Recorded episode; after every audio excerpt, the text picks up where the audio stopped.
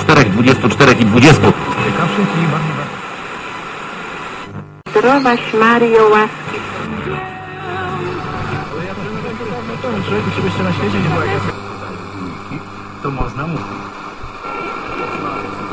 Oczywiście można mieć takie poczucie wyjątkowości, bo z pokorą czekając na ostatnie.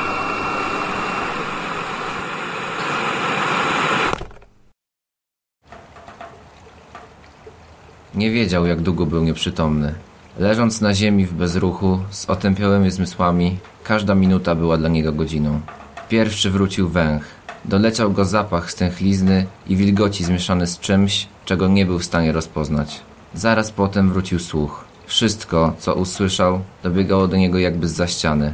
Krew szumiała mu w uszach, ponadto czuł jej żelazisty posmak w ustach. Z oddali dobiegał go czyjś głos, ale kompletnie nie rozumiał wypowiadanych do niego słów.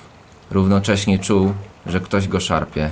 Lekko uchylił powieki, ale niewyraźne zamazane cienie i kształty były jedynym, co zobaczył. Janie! Janie! Obudź się! Mojże! Janie! Nie zostawiaj mnie! Jesteś mi jeszcze dłużny cztery kapsle! Mojże!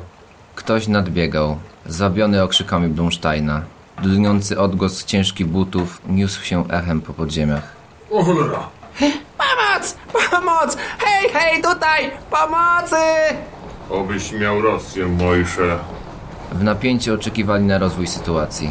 Mike odbezpieczył strzelbę. Z za rogu korytarza wybiegła grupa ludzi. Mieli na sobie stare wojskowe mundury i ciężkie, osłaniane blachą buty. Na głowach nosili futrzane czapki, każda z nich ozdobiona była czerwoną gwiazdą, umieszczoną nad czołem. W rękach trzymali karabiny automatyczne, celując w bohaterów. Było ich sześciu. Оружие je brał! Ruki wверх! Mike i Wodecki powoli opuszczają broń. Kładą ją na ziemi i podnoszą ręce do góry. Mojsze nie reaguje. Что это такое? Кто ты? My, my ranni! Pomoc potrzebna! Что?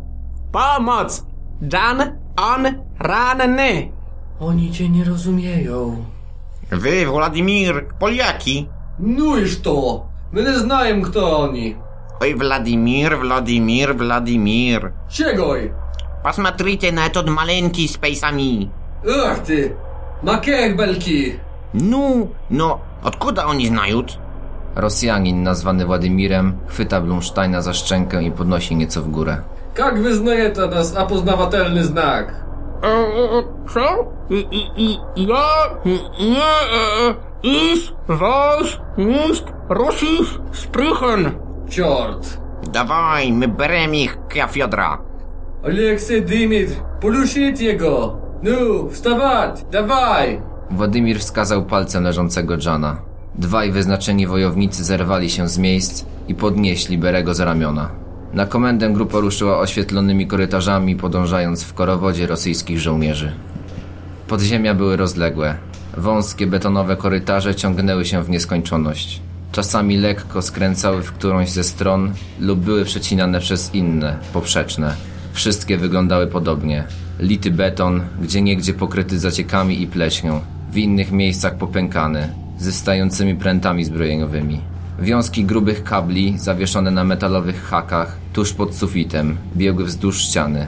Jedne urwane wisiały luźno, inne oszczędzone przez los znikały nagle gdzieś w ścianie. Zazwyczaj towarzyszyły temu niewielkie, zardzewiałe drzwi w bocznej ścianie, zamknięte na głucho. Ich podróży patronowały rozświetlone małe lampy. Wszystkie były przytwierdzone na sztywno do niskiego sklepienia oraz chronione metalową siatką z grubych drutów. Ich światło dodawało otuchy w tych ciasnych i wilgotnych korytarzach. Jednakże schronienie, jakim niewątpliwie były podziemia, nie dawało ulgi bohaterom. Grube, betonowe ściany, pomimo ochrony przed dziwnymi zdarzeniami z zewnątrz, napawały grupę nienaturalnym lękiem. Przerażały ich pustka i martwota tego miejsca. Ponadto ten lęk stopniowo narastał z każdym kolejnym odcinkiem korytarza. Nie wiedzieli, gdzie zawiedzie ich ta wędrówka, lecz byli pewni jednego. Korytarz lekko opadał. Szli tak co najmniej kwadrans. Żołnierze narzucali wysokie tempo marszu, przez co Mojsze dyszał coraz bardziej. Z tyłu Aleksiej i Dymitr cały czas wlekli półprzytomnego Jana, oddychając ciężko. Nie, mam już sił. Kto tam gawarisz? Koniec, marsz, kiedy? A, ujrzę blisko. Tam, za uglą. Halleluja! Przeszli jeszcze parę kroków i skręcili w boczny korytarz. Stanęli w drzwiach dość dużej sali. Budową nie różniła się w ogóle od tuneli, ona też była cała wbetonowana. Miała kształt wnętrza wielkiego sześcianu o dość niskim stropie. Wszędzie stały jakieś urządzenia, metalowe szafy, elektroniczne aparatury ze wskaźnikami, kontrolkami, różnymi dźwigniami i panelami pełnymi przycisków. Niektóre z nich działały, albo przynajmniej sprawiały takie wrażenie, gdyż kontrolki jarzyły się bladożółtym światłem. Inne urządzenia buczały cicho. W głębi pomieszczenia dało się zauważyć wielkie stalowe wrota. Wyglądały bardzo solidnie, jak drzwi sejfu. Miały na sobie koło przypominające uchwyt zaworu, a obok cztery grube zasunięte sztaby. Tuż obok nich, przy metalowym stoliku, siedział pochylony człowiek i coś zawzięcie notował na kartce. Miał na sobie blado-błękitny kitel laboratoryjny i okrągłe okulary na haczykowym nosie. Jego wyłysiała głowa lekko połyskiwała w świetle lamp. Po drugiej stronie na samotnym krześle siedział rosyjski żołnierz i czyścił karabin. Od jego towarzyszy odróżniało go nakrycie głowy, czapka generalska z czerwoną gwiazdą nad daszkiem. Na dźwięk zbliżającej się grupy przerwał swoje zajęcie i podszedł do Władimira. Kto eta My ne znajem. Eto imetmela, belka miech. Ja wiżu. A etot? Co z niem? Żołnierz wzruszył ramionami. W tym samym momencie mężczyzna w okularach przestał notować i wstał od stołu. Wpatrywał się w nieprzytomnego Jana i podchodził powoli, lekko utykając. Z bliska widać było, że jest on naprawdę w podeszłym wieku. W dodatku był lekko zgarbiony. Gdy podszedł bliżej, na jego twarzy wymalowało się zaskoczenie. Na żywot Lenina! Toż to szanowny pan Berry. Wy dwoje, położycie jego na stół. To ty jesteś Fiodor! To ciebie szukamy!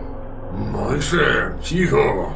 Żołdacy trzymający Jana powlekli go do stołu, z którego Fiodor pospiesznie zgarnął wszystkie strony notatek. Wojskowi niedbale położyli go na nim. Ostrożnie, matoły jedne. Федор, кто они? Eto, moi posylny. Idziecie сюда. Dowódca żołnierzy odchodzi razem z oddziałem na bok, żeby nie przeszkadzać. Co mu się stało? Moce piekielne! Nas przygniotły. Y, Że co? Siedzieliśmy pomiędzy budynkami. Nagle poczuliśmy się słabo i wtedy zaczęliśmy, zaczęły być syreny. Ciężko powiedzieć, co to było dalej. Bo byliśmy na skraju świadomości i wycieńczenia. Ten basowy dźwięk... Szlak zwarcie. A zapamiętaliście coś jeszcze? Tak, chwilę wcześniej z głośników usłyszeliśmy jakąś pieśń. No i widzieliśmy kogoś. Cholerne matoły, mówiłem im, żeby się nie ruszali. Zaraz, kogo widzieliście? Nie wiemy. Jakiś wysoki, umięśniony gość w samych spodniach. Stał sobie w oddali i patrzył w ziemię. A po chwili gdzieś zniknął. A, a więc to prawda, E, co, co takiego? że... E, e, czekajcie, najpierw zbadam dokładniej pana Berego. To dłuższa opowieść, więc zajmie mi trochę czasu. Starzec machnął ręką, a bohaterowie odsunęli się od stołu. Od razu pochylił się nad Janem i rozpoczął badanie. Wychudłymi palcami złapał jego nadgarstek i stał tak przez chwilę w skupieniu. W tym samym czasie palce drugiej ręki przyłożył do okolic krtani nieprzytomnego. Wyraźnie zafrasowany pochylił się jeszcze bardziej nad chorym, przystawiając ucho do jego ust. Następnie rozchylił powieki Jana i oglądał je pod różnym kątem, wyginając się dziwnie nad leżącym. W końcu odwrócił się od stołu zasępiony, pocierając palcami kościsty podbródek. I co, i co, co? Żyje? E, Jedno mogę powiedzieć na pewno, żyje. Jego oddech jest strasznie płytki i ledwo wyczuwalny, że o pulsie nie wspomnę. Ajaj, waj! Janie, byłeś takim dobrym dłużnikiem. Chwila, przecież on żyje. E, no, no, ale... Tak, żyje, ale nie wiem jak bardzo zwarcie na niego wpłynęło. Nie mam tutaj specjalistycznego sprzętu, którym mógłbym go przebadać. Konował, Wypraszam sobie. to przez ciebie on leży tutaj. Nie wiem dlaczego chciał mnie znaleźć, ale nie prosiłem go o bycie szukany. Zresztą to jest bardziej skomplikowane. No, ale przecież badałeś go teraz, tak? Nadal nic nie wiesz? Młody człowieku, przebadałem go jedynie pod kątem powierzchownych symptomów. Natura jego, powiedzmy, choroby leży w mózgu. Neurologia to głęboka i złożona dziedzina. Nie mam aparatury, żeby go przebadać, a co dopiero pomóc. Konował. Ty mały rudy. Przestańcie już. Już ci Rosjanie zaczęli nam tutaj uważnie przyglądać. Właśnie, co to za jedni? To poradzieckie jednostki specjalne. Na raczej coś na ich wzór, starające się odzyskać wojskowe zdobycie cywilizacji sprzed wojny. Nazywają siebie Armią Czerwoną, chociaż do armii to im jeszcze daleko. Armia Czerwona? To twór przedwojenny. O takim w czasach obecnych. Bo oni sami na siebie tak mówią. Wy ich nazywacie jeźdźcami kawalerii niedźwiedzia. Jesteś jednym z nich? Nie, współpracuję z nimi, gdyż y, mamy pewne mm, wspólne cele. Ale na dłuższą metę ta współpraca się nie uda. Mam u nich posłuch, bo jestem naukowcem, ale wiem, że kiedy przyjdzie odpowiednia chwila, nie zawahają się mnie zabić. Ja też jestem naukowcem. Miło mi pana poznać. O, a to dopiero. Mało już naukowców w dzisiejszych czasach. A to właśnie my jesteśmy nadzieją na lepsze jutro. Zgadzam się w całej rozciągłości. Cały czas konował. No dobra, dobra. Piotr, wyjaśnij nam nareszcie o co chodzi. Mm, No już dobrze opowiadam. To miejsce to laboratorium badawcze chronione przez kompleks wojskowo-eksperymentalny, oznaczony jako X-30. Nie pytajcie dlaczego, to dla was zbyt skomplikowane. Eksperymentalny? Co tu badano? Yy, pan Berry wam nie powiedział? Pan Berry powiedział, żeś kłamca i konował, a cały mózg zwęglacz to bójda. Kolejne pomówienia oparte na niewiedzy. E, nawet koniec świata nie zmienił ludzi. Panie Fiodorze, znamy pana opowieść o mózgozwęglaczu, którą opowiadał pan w na audycji. Jan co prawda w nią nie uwierzył, ale proszę opowiedzieć nam więcej o pańskiej wersji wydarzeń. Już cię lubię, młody człowieku. No dobrze, więc tak. Jak już wiecie, prowadzono tutaj eksperymenty na ludziach, a- konkretniej na wpływie pewnych y, fal elektromagnetycznych na ludzki umysł. Faszyści. Mm, Zależy od punktu widzenia. W każdym razie takie fale nazywają się oddziaływaniem psi. No, no i z tyłu tego kompleksu postawiono wielki rząd anten, które te fale miały emitować. Cała ta aparatura, choć przestarzała i mocno podniszczona, okazała się działać do dziś. Czyli my tam na powierzchni zostaliśmy wystawieni na oddziaływanie fal psi. Dokładnie tak. Chociaż stało się to poniekąd przez przypadek. Ci żołnierze z Armii Czerwonej wożą przy sobie nagranie swojego hymnu. Na nieszczęście, akurat kilka dni temu podczas eksploracji tych podziemi znaleźliśmy działający odtwarzacz. Ci idioci zaczęli słuchać tego hymnu codziennie o poranku. Chwała Leninowi! Wczorajszy odsłuch spalił odtwarzacz. Ale tym samym wywołał zwarcie, które awaryjnie uruchomiło anteny emisyjne. No i to was spotkało. Jak to wczorajszy? No to stało się wczoraj rano. A, ale my... Biedacy, nawet nie wiedzieliście, jak długo byliście nieprzytomni. Wasze szczęście, że nie skończyliście tak jak pan Berry. No właśnie, dlaczego my się mamy w miarę dobrze? Nam nie. Przecież wchodziliśmy tutaj razem. On wszedł jako ostatni, tuż za mną. Ubezpieczał nas. No i to wszystko wyjaśnia. W emisjach psionicznych liczy się każda sekunda. On był wystawiony na ich działanie o kilka sekund za dużo. Mm, No ale dlatego opowiadałem o tym projekcie na audycji, żeby wszystkich ostrzec, żeby nikt nie próbował się tutaj dostać. Właśnie, co miałeś na myśli mówiąc o żywych trupach na audycji? No, mówiliście, że kogoś spotkaliście na powierzchni, albo raczej coś. Tak, najpierw ktoś chodził pod oknami budynku, w których skryliśmy się na noc, a potem parę chwil przed to, jak co to nazwałeś, emisją psi, zobaczyliśmy tego łysego mięśniaka z jedną, na jednej z tych dróg. Fiodor drżącą dłonią zdjął okulary i schował je niezdarnie do kieszeni na piersi. Jego oczy były wielkie z przerażenia. Fiodorze, co się stało? W dniu przeprowadzenia eksperymentu prowadzący badania się rozchorował. Nie był w stanie wstać z łóżka. Ale rozkaz z Moskwy był jasny. Przeprowadzić eksperyment tego dnia. Otoczenie nie było możliwe, ponieważ wojna wisiała na włosku, a chińscy okupanci zaczęli wietrzyć spisek. Trzeba było więc wyznaczyć kogoś na zastępstwo. Wybór padł na nadzorcę obozu, y, Siergieja Petrenko. Nie był on entuzjastą tego eksperymentu po paru incydentach z przeszłości, których, których nie ma sensu teraz wspominać. Zgodził się na to zastępstwo tylko z powodu nacisków z Moskwy. Eksperyment ruszył i to była katastrofa. Jak to? Co się stało? To samo co w Czarnobylu. Zawiodły systemy awaryjnego chłodzenia i błędy konstrukcyjne. Pomieszczenie sterowni znajdowało się tuż pod antenami. Niestety, kiedy system się przegrzał i emitery weszły w tryb pracy na 300% mocy, okazało się, że chłodzenie nie działa, bo woda w zbiornikach częściowo wyparowała z powodu upałów, a sufit sterowni został wykonany niedbale i nie chronił w pełni przed promieniowaniem psi. E, Wszyscy biorący udział w eksperymencie otrzymali wielką dawkę promieniowania, a ich mózgi pod wpływem fal psioniki usmażyły się częściowo. Częściowo? Tak, obumarły części mózgu odpowiedzialne za czucia, za wspomnienia, mm, ogólnie za to, kim byli ci wszyscy ludzie.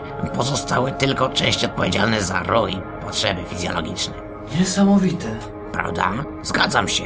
Niestety, ci wszyscy badani oraz naukowcy przestali być ludźmi i stali się chodzącymi trupami, żywiącymi się czym popadnie, bez jakichkolwiek hamulców. Częściowo pozjadali się nawzajem, a częściowo żywili się tymi, którzy tu przychodzili na szaber. Okropne.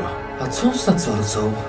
Siła emisji mm, maleje razem z odległością od anten. Wy otrzymaliście nieco niestandardową dawkę 100 psi na sekundę, około, no ale przetrwaliście to, prawda? Pan Berry miał mniej szczęścia, ale żyje. A nadzorca, oszacowałem, że otrzymał jakieś 10 tysięcy psi na sekundę. Nikt nie jest w stanie tego przeżyć. Ale to, co mówicie wy i ci Rosjanie, wskazuje na coś innego. Mianowicie? Rysopis, który podaliście, pasuje do tego, który podali Armini. Tak wyglądał nadzorca w dniu eksperymentu. Był wtedy straszny upał. Hola, hola, doktorku. Ale skąd ty to wszystko wiesz? Dobre pytanie.